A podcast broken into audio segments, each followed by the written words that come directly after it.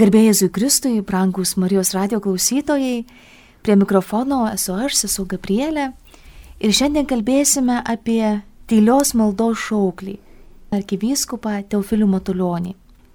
Džiaugiuosi galėdama šiandien pristatyti teologijos mokslų daktarę, Birštono sakralinio muziejaus vedėją, Ramutę Zajančiauskinę, garbėjus į Kristai.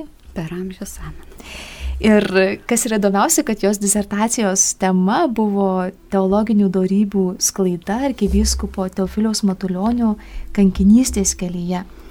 Taigi jūs galite daug mums papasakoti ir apie patį Teofilių Matulionį, apie jo asmenybę, apie gal tam tikrus charakterio bruožus, kur mes, nu, gal mažai kur nors galim ir paskaityti apie tai. Iš tiesų yra nuostabi viena knyga Prano Gaidos, Kanadoje gyvenusio kunigo, daktaro knyga Nemarus mirtingasis arkiviskupas Teofilius Matuljonis. Tai šita knyga yra nuostabi tuo, kad publikuojama daugybė asmeninių laiškų arkiviskupo. Ir, ir iš tų laiškų, ir iš biografijos labai pilnos jo pasakotos paties galima susidaryti puikų vaizdą, koks tai buvo žmogus, kokia tai asmenybė. Ir disertacijoje aš ne, nemažai rėmiausi šitos knygos publikuotais šaltiniais. Tai ne dėl to, kad man ta knyga be galo didelį padarė įspūdį, bet dėl to, kad tai yra šaltinių publikacija pati pirmoji.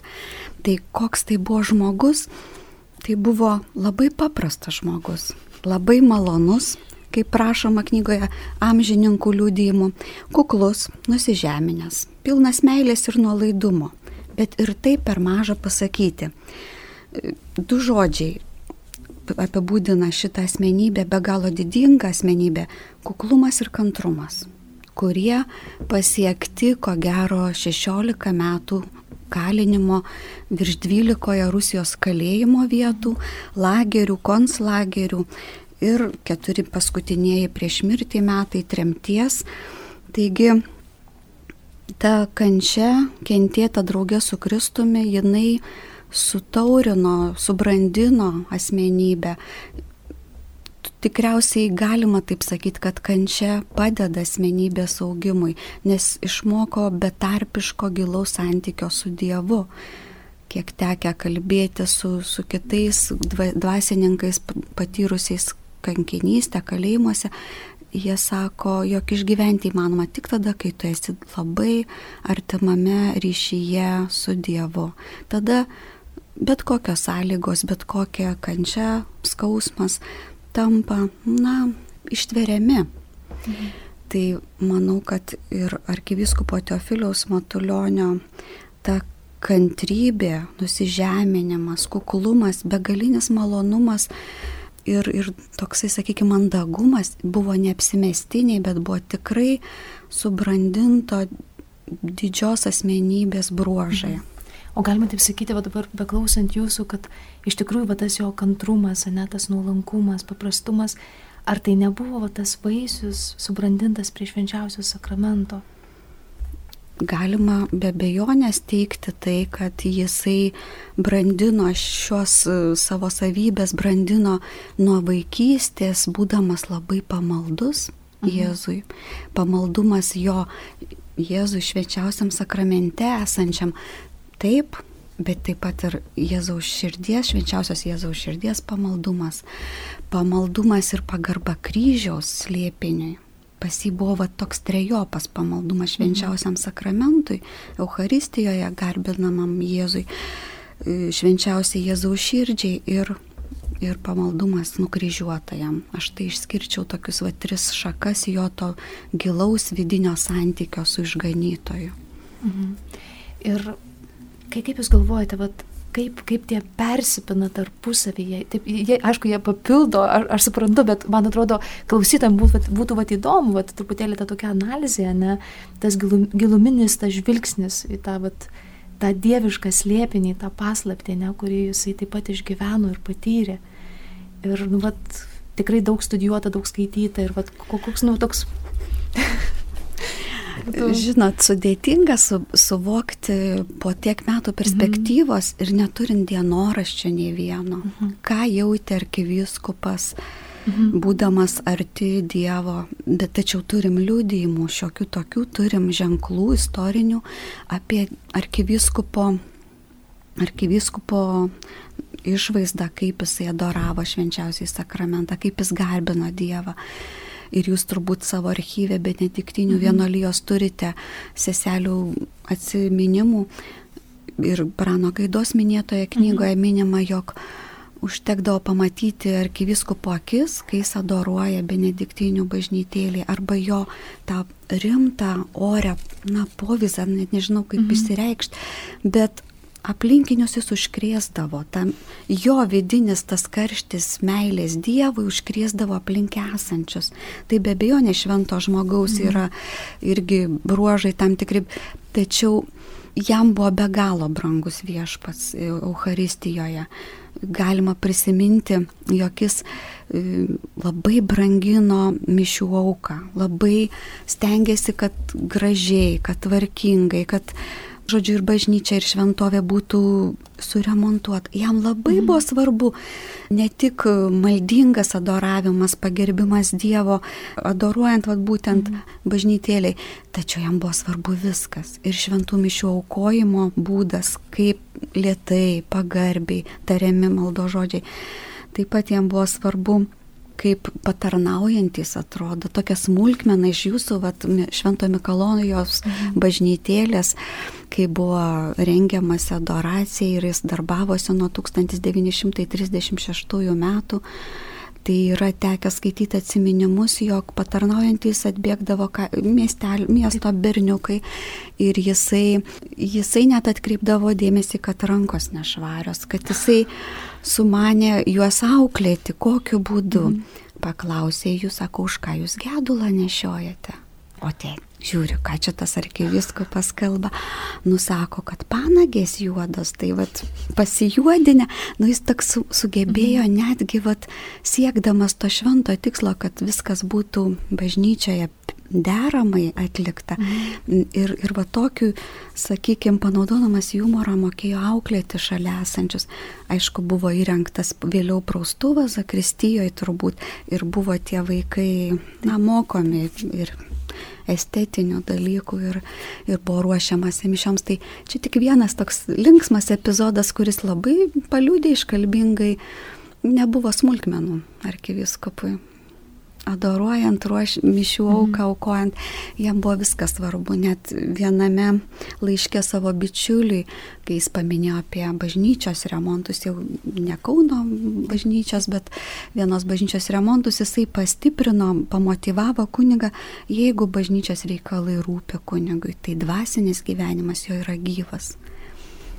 Tai kas viešpatės, kokia aplinka, kokia nuotaika bažnyčia yra, tai yra labai svarbu, svarbu tikintiesiems, svarbu mums visiems, kurie esam prie Dievo artumoje.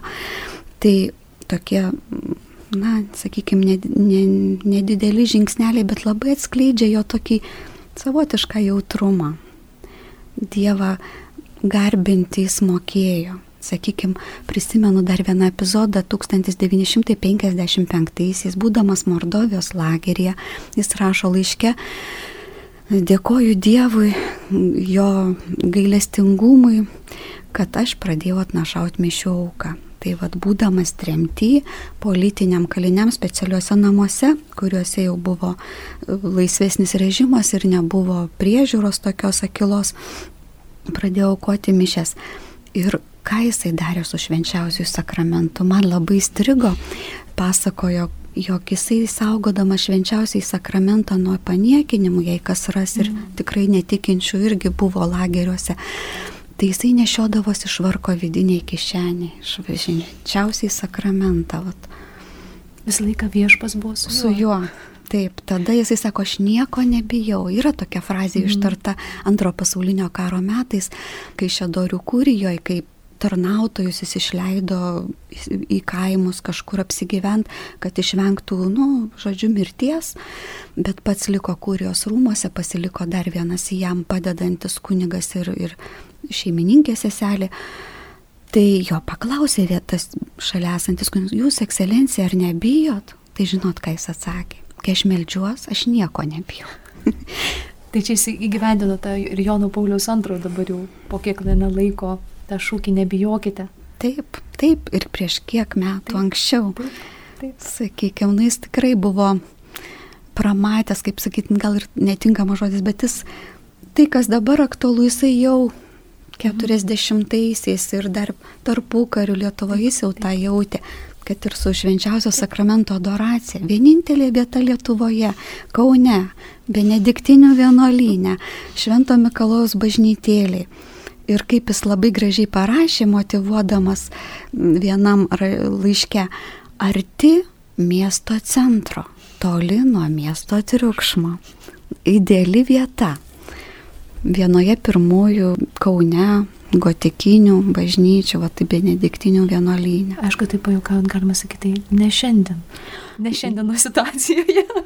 O aš manau, kad Švento Mikalaus bažnyčia su storomis viduramžiais tai restomis sienomis jinai iš tikrųjų sugeba, nors ir šalia labai judrus mhm. gyvenimas, sugeba išlaikyti būtent dėl švenčiausio sakramento vat, nuolatinės adoracijos, sugeba padėti šių laikų žmogui susikaupti, pabūti su Dievu arti, pasikalbėti. Tas yra aktualu visais laikais. Teofilius Matuljonis, mėgo tai, kas nauja, tai, kas pasaulyje mm. vyksta ir sako, būkim modernus, būkim šio laikiški. Pasaulyje tai įrengiama, įsirenkim ir mes. Tai vat, labai tokia asmenybė, kuklus, nuolankus, nusižeminęs, tačiau pilnas vidinio ryšto būti mhm. apaštalu, veikti, daryti, kad jaunimas būtų gyvo tikėjimo jaunimas. Aišku, jis to jaunimu Lietuvoje tarpu kariu ypatingai džiaugiasi, nes grįžo iš Rusijos. Po mhm. bolševikinio perversmo Rusijoje jaunimas visiškai nepriminė jam vat, lietuviško, tikinčio, doro, skaistaus mhm. jaunimo. Šiandien, jeigu jisai pažvelgtų į Lietuvos jaunimą, ko gero, pamatytų daugiau bėdų, negu buvo galbūt tarpu kariu, kai tradicija buvo labai stipri Lietuvos mieste mhm. ir kaime ir, ir žmonės brangino tikėjimą. Tuo labiau turėdami šalia ir girdėdami tokius tikėjimo liudytojus, išpažinėjus kaip arkiviskupą Teofilių Matulionį. Mhm nuo vaikystės į šventų laikė, kaimelio gyventojai. Nuo vaikystės jis buvo ramus, tylus mm. turbūt ir toks e, paslaugus greičiausiai mm. berniukas.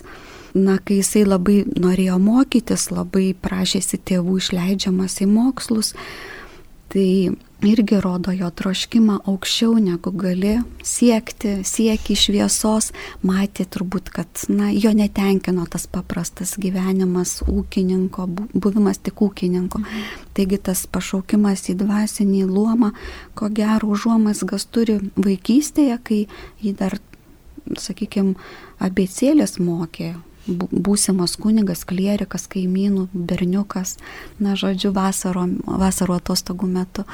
Ir pirmoji perskaityta knyga apie šventai Joną Boską buvo.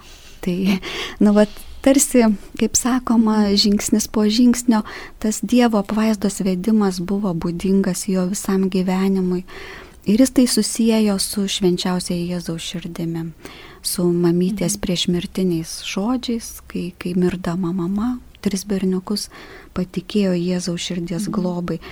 Arkivyskupui Teofiliui buvo svarbu šitą globą visą gyvenimą ir jis dėkojo Dievui, kad nežiūrint tų sakykime, mhm. Dievos apvaizdų jai, jam skirtų kelių ir takelių, po, sakau, Solovkų lagerį, Leningrado kalėjimą, Maskvos Butirkų, Sokolnikų, Vladimiro žiau, žiauraus mhm. griežto režimo kalėjimą, Mordovijos politinių kalinių specialios paskirties invalidų namus vidaus tremti Šeduvoje paskutiniai gyvenimo metai. Nežiūrint visų šitų e, kelionių gyvenimo suvaržymų, arkiviskupas išliko ramus, išliko giliai Dievą mylintis ir dėkingas Dievui už tas patirtis. Ir jisai kaip tikras bažnyčios ganytojas ir viduje karštas apaštalas, jisai sugebėjo tokiomis sąlygomis, būdamas nedėkoti Dievo apvaizdai, kad kunigai yra ten, kur ir tikintieji. Ir kunigai gali padėti tikintiesiems ir tundroje, ir miške, ir dirbant mhm. baisius tos miško vežimo darbus ar kitose sunkiose sąlygos. Jis matė prasme. Ir aš galvoju, nežinau, gal aš neteisi, bet, bet iš tikrųjų tas adoracija, grįžtame prie tos adoracijos, Gerai. bet iš tikrųjų adoruojant švenčiausią sakramentą, kada tu persijimi tuo Jėzaus žvilgsniu. Ir visą laiką tas buvimas, nuolatinis buvimas Dievo akivaizdoje.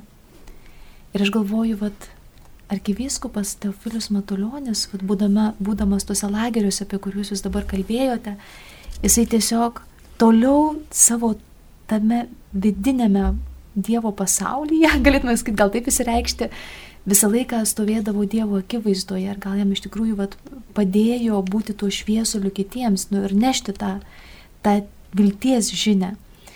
Ir dėl ko aš vat, pavadinau tą jį kaip tylios maldos šauklys ir, ir tikrai vat, pradininkas, tai tas pradininkas švenčiausios sakramento adoracijos, nuolankus žmogus, kuris viską yra atidavęs Dievui ir sako viešpatė, nu, tebūnė tavo valia, ne, ne aš tai darau, bet tu tai darai. Ir tas, nu, vat, atidavimas visko Dievui. Kad, nu, tu, tu, tu gali būti, tu, ta, tu esi tas pirmasis. Ir, ir man, man atrodo asmeniškai, kad vien tik dėl to jisai vat ir tapo tuo vilties žiburiu ir pavyzdžiui, nu ne tik seserims, o tuo metu, ne, kaip mes ir laiškose galim skaityti ir sesers Agnietės, kaip jos stebėdavosi, kaip jisai rodydavo tą pavyzdį, kad jūs žiūrėkite, jūs žiūrėkite į Kristų. Čia jūsų yra gyvenimo centras. Ir iš čia plaukia visa malonė kitiems, visa net ir bendrystės vadinamoji ta kokybė, tie santykiai, kurie yra tarpusavyje. Žodžiu, iš čia visas yra šaltinis, viskas yra perdodama iš čia. Ir gali būti, kad ta aš taip galvoju, kad tuo metu net dvasiniai galinai ff, nupūtė kaune tikriausiai ir paskui visą Lietuvą. Nes Nes neįvyko, net tas kongresas, man atrodo, ar įvyko, kad Antrasis, ne, bet ne. jis labai jo mhm. laukė, labai tikėjosi ir labai jo norėjo ir laiškose 43 metais draugam kunigam, mhm. kurie Solovkose kartu kalėjus, ragino ruoštis atvykti į Kauną į antrąjį Eucharistinį kongresą. 40. Jo. Jisai labai laukė, tikėjosi, kad įvyks. Ir ko gero, jei būtų kiti taip panašiai galvoja mhm. kaip Teofilius Matuljonis, tai būtų ir įvykęs. Tačiau vis tik karas padiktavo savo sąlygas ir, ir buvo neįmanoma. Na, tai, ką sakot apie tą buvimą su Jėzumi ir, ir išspinduliavimą, jis tą požiūrį, vat, aš mm. pritariu, taip, tai buvo.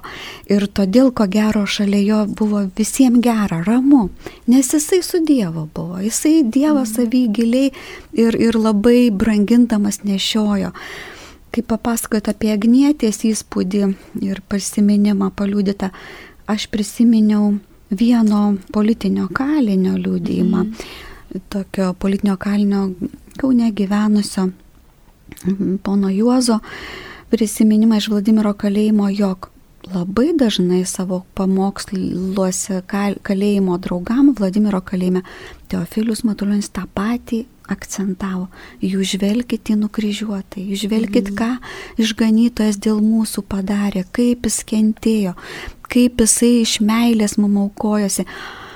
Tai žino, tas buvęs partizanas Juozas, jis sako, aš buvau padūkęs ir net dariau priekaištų arkiviskupui, kiek ekscelencija galima čia tą patį kartuoti, mes ir taip žinom.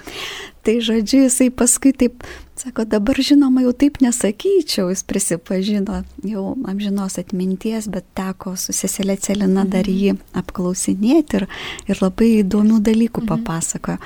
Tai va, tai grįžtant prie to, kad Teofilius Matulionis suprato tą ryšio svarbą asmenybei, tą ryšio su Dievu svarbą, buvimą, adoravimą.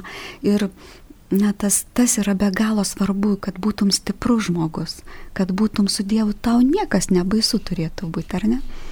Kaip šventajame rašte paraštė į Dievas už mus, kasgi prieš mus. tai tikrai tiem liūdintiem ir, ir, ir sakykime, vilties kartais netekusiems reiktų prisiminti tą šventą raštą eilutę. Jeigu Dievas su tavim, tai tu būk drasus, turėk stuburą, turėk, na, pasitikėjimą jo. Tai va, Teofilius Matuljonis ragino kalinius kurie vieni kali už nusikaltimus kriminalinius toj pačioj kameroj ir elgesi įžūliai, kiti visiškai nekalti kali, tiesiog auką neša tą už, už savo tautą, net sakykime.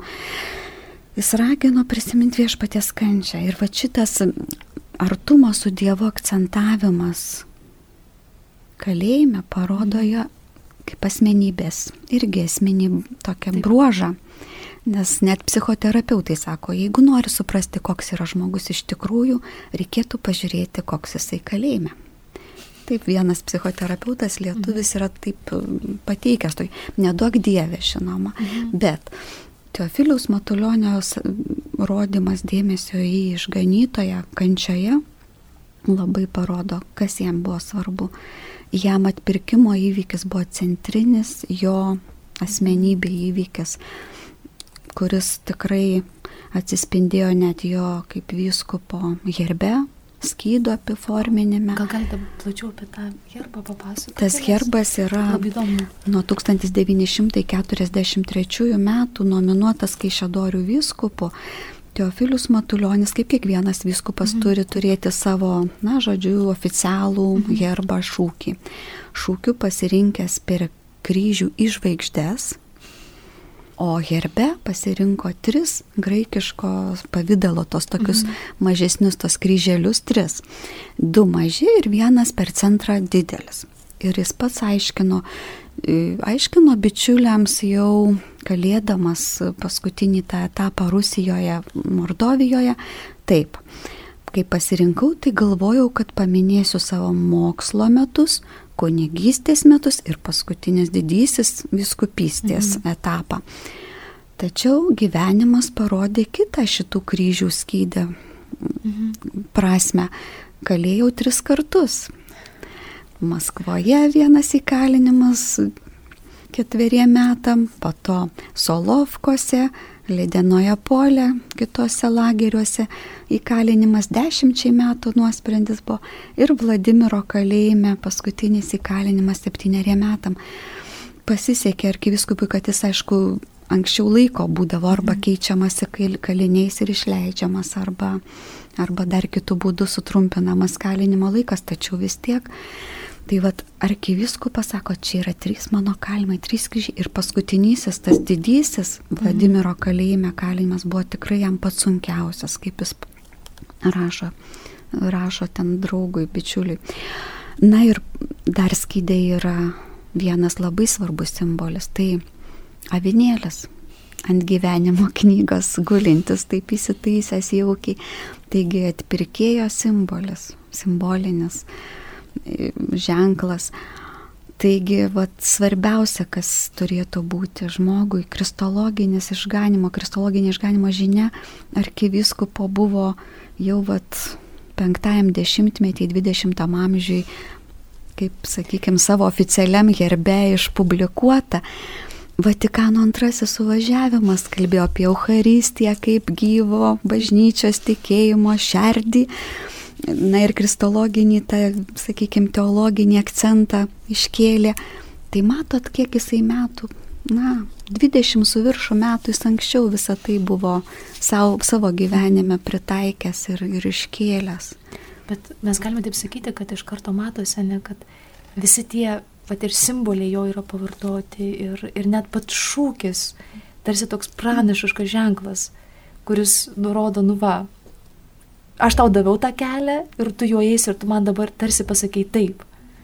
Ir tas Dievo toks anspaudas atrodo, kad taip. Mhm. ir, ir nu, vat, man būtų dar įdomu truputėlį dar pakomentuoti apie tą jo tą pranašišką vat, e, bruožą, nes nu, vienas iš asmenybės jau galite sakyti tų bruožų yra tas pranašiškas bruožas.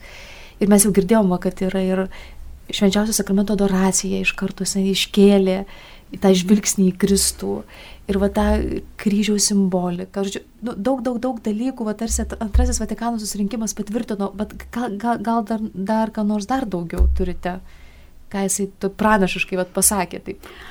Kai Šedorių katedroje atkurtas e, gailestingojo Jėzaus altorius, kurio pagrindinis paveikslas yra arkiviskupo Teofiliaus Matulionio privačiam mhm. pamaldumui užsakytas paveikslas, kurį jisai turėjo savo būte Kaune ir meldėsi prie jo. Tai va, nutapytas paveikslas gailestingojo Jėzaus kopija to regėjimą patyrusiai Faustinai, to paties paveikslo, pirmojo gailestingojo Jėzaus paveikslo kopija, nutapytas jisai 1937-39 metai. Tai yra visiškai, sakykime, keletas metų po to regėjimo pirmojo. Tai ką tai sako, koks Teofilius Matuljonis buvo jautrus, na, tokiem dvasingiam sąjūdžiam, bet kaip ir gailestingumo. Juk daktaras Opočka, kunigas, pradėjo skleisti gailestingojo Jėzaus pamaldumą Vilniuje, sakykime, 1941, kai išleido brošiūrėlę. Teofilius Matuljonis, ko gero, šiek tiek dar net ir anksčiau ir ko gero turėjo galimybę ir pabendravo su kunigu Sopočka.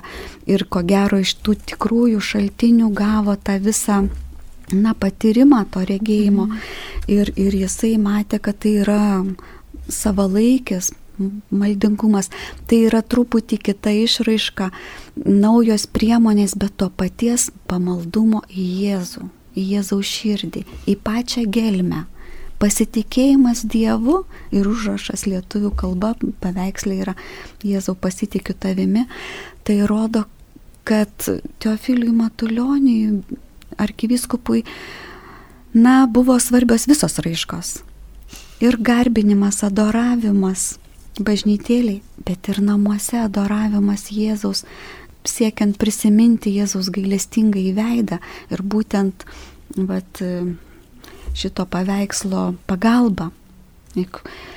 Teofilius Matuljonis buvo vienas pirmųjų gailestingojo Jėzaus propaguotojų. Jis neturėjo galimybių tą vykdyti pilnu, pilna eiga, kadangi jis po trejų metų, vat, kaip Kaišėdorių viskupas, žodžiu, 1946 buvo suimtas ir įkalintas ir ilgie metami Rusijos Vladimiro kalėjimą.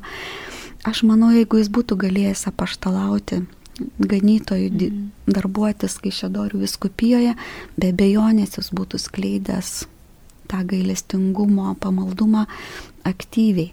Nes jeigu pažvelgsim į laiškus, e, laiške 1956 metų laiške rašytame popiežiui popiežiui prašydamas leisti konsekruoti įpėdinių kuniga kanauninką Vincentas Latkevičių, jisai irgi paminė geraširdingiausią Dievo gailestingumą. Šitas žodis, ne tik žodis, bet jausmas, kad Dievas mums yra be galo gailestingas, pas jį yra, na, sakykime, tikrai labai dažnai laiškose minimas. Tai aš manau, be šito maldingumo į gailestingą Jėzų jis nebūtų taip rašęs tiek bičiuliam privačiuose laiškose, mhm. tiek e, bažnyčios galvai, šventajam tėvui, laiške oficialiame. Yra nuostabu kalbėti apie tą vieną iš pirmųjų gailestingumo misionierių, kuris savo ne vien tik tai pavyzdžių, bet ir darbais nešė tą gailestingumą kitiems, tą dievišką gailestingumą. Ir aišku, būtų įdomus dar momentas vat, išgirsti apie jo kaip, nu, aš tikiu, kad jis kaip nuodėm klausys turėjo būti irgi labai jautrus kitiems. Tai gausu apibūdinimu apie jo tą jautrumą, kaip nuodėm klausio, apie jo kaip labai mėgiamo naudėm klausio. Na, gausų e, ženklų yra iš pirmųjų kunigystės vietų Latvijoje kaip žinote, 1900-aisiais pradėjo savo kunigo kelią Latvijoje, Latgalijoje, Varaklenuose, po metų tapo ir kitos kaiminės parapijos Bikavos klebonų. Ir yra tokių liudymų jo, kad vykdavo žmonės ir laukdavo net laukia jo, kad pirmieji patektų į bažnyčią jam prie jo klausyklas ir atliktų išpažinti iš viso gyvenimo. Tai koks tai turėjo būti sielovadininkas jau ir aišku, kaip ir turėtų būti. Na tai iš tiesų jis buvo labai jautrus, jisai labai neskubiai klausydavo iš pažinčių ir labai nuoširdžiai duodavo patarimus. Tai prašoma mhm. atminimuose. Jo draugas, kitos parapijos kunigas, toks Vitalijus Urbelis, atvykdavo per atlaidus padėti, na ir pietų metu na, priekaištaudavo, radau tokiu aprašymu, priekaištaudavo, kad ilgai tėvelis klauso iš pažinčių. Tai labai tiesiai šviesiai atsikirzdavo tuometinis kunigas Teofilius. Gerai, kad jums išeina greičiau, o aš negaliu. Ir jisai žinojo, ką jis daro, kodėl jis taip klauso iš pažinčių. Ir, ir matė rezultatą iš tikrųjų, švesdamas 89-osius 89 gimtadienį, jis sulaukė savo buvusios parapijos prieš kiek metų, sakykime, prieš 80 metų, kur apaštalavo, tos parapijos žmonių jį sveikinančių su gimtadieniu. Ir jie padovanojo Bikavos bažnyčios fotografiją, kuriais nu, labai džiaugiasi pasikabino matomiausiai vietą ir, ir, ir prisiminė to žmonės, teiravosi gyvai, nors buvo jau gana silpnos veikatos, bet pagyvėjo jo akis, kaip prašoma, žvilgsnis ir jisai mylėjo savo tos visus parapijų žmonės, kuriuos jam gyvenime teko sutikti. O, o dar apie išpažinti kalbant, nežinau, kiek jūs žinote, bet Solovkų salų lagerėje jis taip pat buvo atsakingas, žinot, gyveno apie 60 žmonių, tokia komuna buvo Solovkų salose, Anzer saloje. Jie buvo susidarę tam tokį bendrą gyvenimo tvarką, tai, taisyklės. Ir Teofilius Matuljonis buvo ūkvedys, gautų siuntinių skirstytojas, na, kur, kur reikia, kad visiems vienodai atitektų, labai buvo sažininga šitos pareigos vykdytojas. Na ir dar buvo atsakingas ir už dvasinius patarnavimus, na kaip kunigas.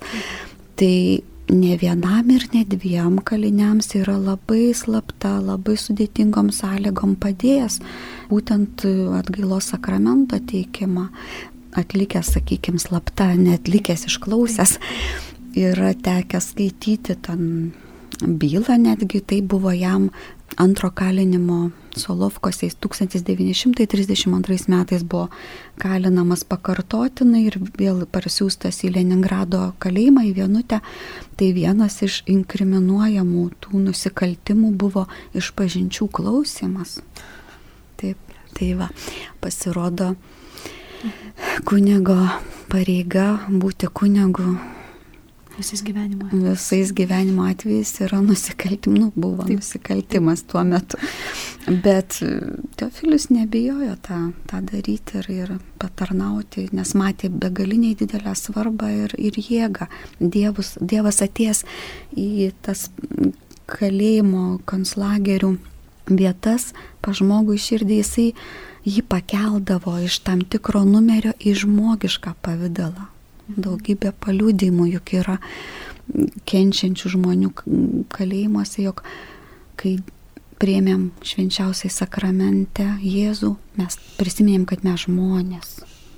Ne, tai, ne tie, kurie turim tik tai numerius ir vadiname taip, taip, numeriais. Taip, jiems sugrįždavo prisiminimai, kad jie mhm. tikinti žmonės, kad jie žmonės, na žodžiu, Mylintys ir laukiami. Mylintys laukiami ir Dievas, nepaisant to, dar ir čia yra su jais. Tai kokia tai jėga, tai turbūt mums sudėtinga laisvoji Lietuvoje tą suprasti, bet, bet kai pamatai, kad tai yra žmonėms patys brangiausi prisiminimai iš tų laikų ir, ir daugybę kalinių skaitant atsiminimus, tas tenka aptikti, tas tai jausmas.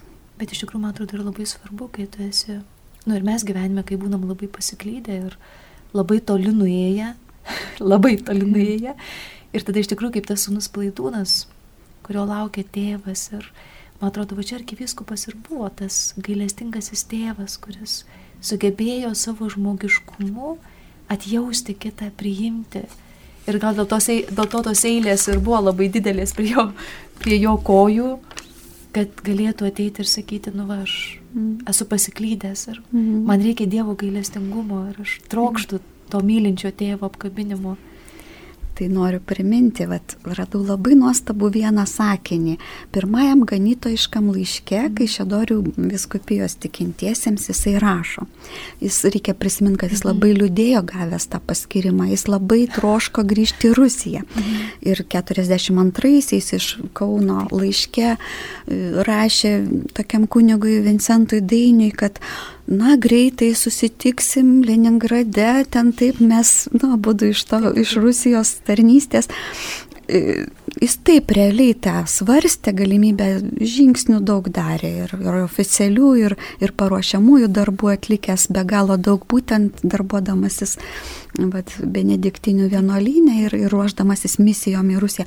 Tačiau, kadangi gavo popiežiaus paskirimą į Kaišėdoris, jisai nuolankiai sutiko ir štai ką rašo. Esu paskirtas būti tėvu ir vadu šioje vargingoje kelionėje į amžinosios laimės dangaus karalystę. Tai. Jisai, jisai giliai tai suprato ir išgyveno tą taip, savo tėviškumą. Taip, tėvų ir vadu. Ir, ir dar tam laiškė, na, tokių gražių yra sakinių, vis tik karo metai sunkumų mm. suminį ir sako, nenusiminkit dėl neiškios ateities, bet atgailaujant reikia melstis ir palaikyti ramumą.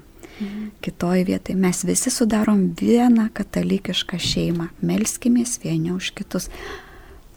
Nu, nuostabų žodžiai nuostabų žodžiai, kurie ir šiandien be galo aktualūs yra. Mes kaip bažnyčia turim jausti vieni už kitus tą atsakomybę melstis. Ir melstis mum ramybės taikos šiam irgi labai sudėtingam pasauliui, kai daug neramumų. Iš tikrųjų mes galime melstis net ir prašyti vat, mūsų arkivyskopo Teofiliaus Matulionio užtarimo kad mums padėtų iš tikrųjų, kaip yra ir sunku, ir, ir, ir kartais gal tikrai jaučiam, kad labai toli esam nuklydę nuo Dievo, kad mums padėtų sugrįžti, arba kai tikrai nebematome vilties, kad jisai vat, tos vilties mums duotų, kad nu parodytų tą kelią, nes jis pats tiek buvęs kančioj, tiek skausmo matęs, visą laiką liūdėjo tą viltį, tą Kristaus šviesą. Mhm. Tai, va, tai aš manau, kad mes tikrai galim visą laiką kreiptis į jų užtarimo, prašyti jojo, kad Taip, aš žinot, yra net maldingos tokios draugijos, net įkurta, kai Šedorių viskupija, mm. arkiviskupo Teofiliaus Matulionio maldos, maldos draugija. Ir, ir mūsų viskupija tai ypatingai tą jaučia, žino, kad galima ir reikia ir mes melžiamės. Mm Ir iš tikrųjų juokas toks vienas, noriu papasakot, kad dar gyvas buvo Teofilius Matuljonis, bet buvo Vladimiro kalėjime ir buvo nutrūkę, kaip sakyt, žinių visiškai pasaulyje nebuvo, ar jis gyvas, ar negyvas. Sklandė mintis, kad jis kažkur jau nu, nu, mirė Rusijoje, dingo. Tai jį pažinoja kardinolas, net Amerikos vienas yra paliūdita gaidos knygoje berots, kad sunkumuose jis kreipdavosi į arkiviskupą Teofilių Matulionį, kad jis užtartų jo reikaluose. Įsivaizduojat, kokio tai, nu, koks jie buvo bendravę gal vieną dieną gyvenime, kai jis lankėsi Amerikoje 34-6 metais, bet iš jos klido tas Dievo žmogaus kvapas ir žinodamas, kad jis pateko vėl rusams į, į rankas ir kad ko gero jis jau bus nukankintas, jis jau tada meldėsi jo užtarimo prašydamas. Tai mes turim nuostabų tikrai dvasiai mūsų švyturį, šventą žmogų, kurio paskelbimas šventuoju yra nežinoma, aišku, kiek Dievui reikės to laiko.